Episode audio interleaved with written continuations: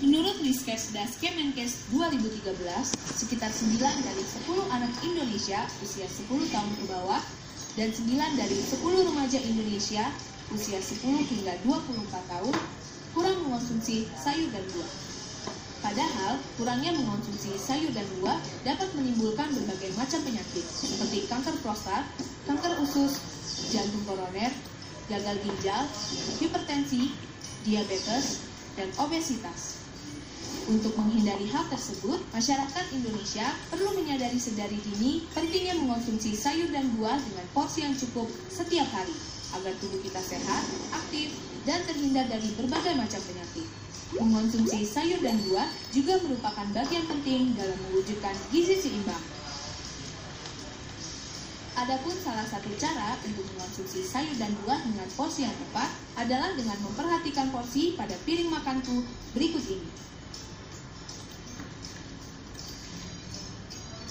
Badan Kesehatan Dunia atau WHO secara umum menganjurkan mengonsumsi sayur dan buah untuk hidup sehat sejumlah 400 gram per orang per hari yang terdiri dari 250 gram sayur setara dengan 2,5 porsi sayur yang telah dimasak dan 150 gram buah atau setara dengan 3 buah pisang ambon.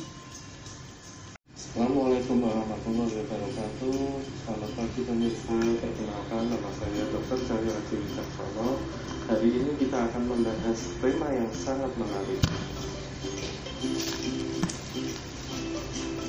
Hipertensi itu adalah tekanan darah sistolik lebih dari 130 dan tekanan darah diastolik lebih dari 90 oleh sebab itu, jika pemirsa mengukur tekanan darah dan mendapati hasil yang seperti itu, eh, saya sarankan untuk mengkonsultasikan kepada dokter di fasilitas kesehatan di sekitar lingkungan Anda.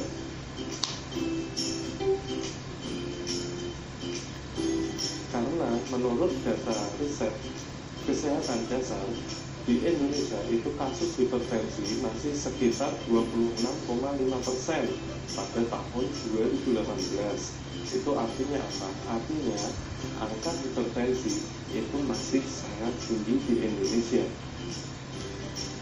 Hipertensi itu sendiri dibagi menjadi dua, dan hipertensi esensial atau hipertensi primer dan hipertensi sekunder.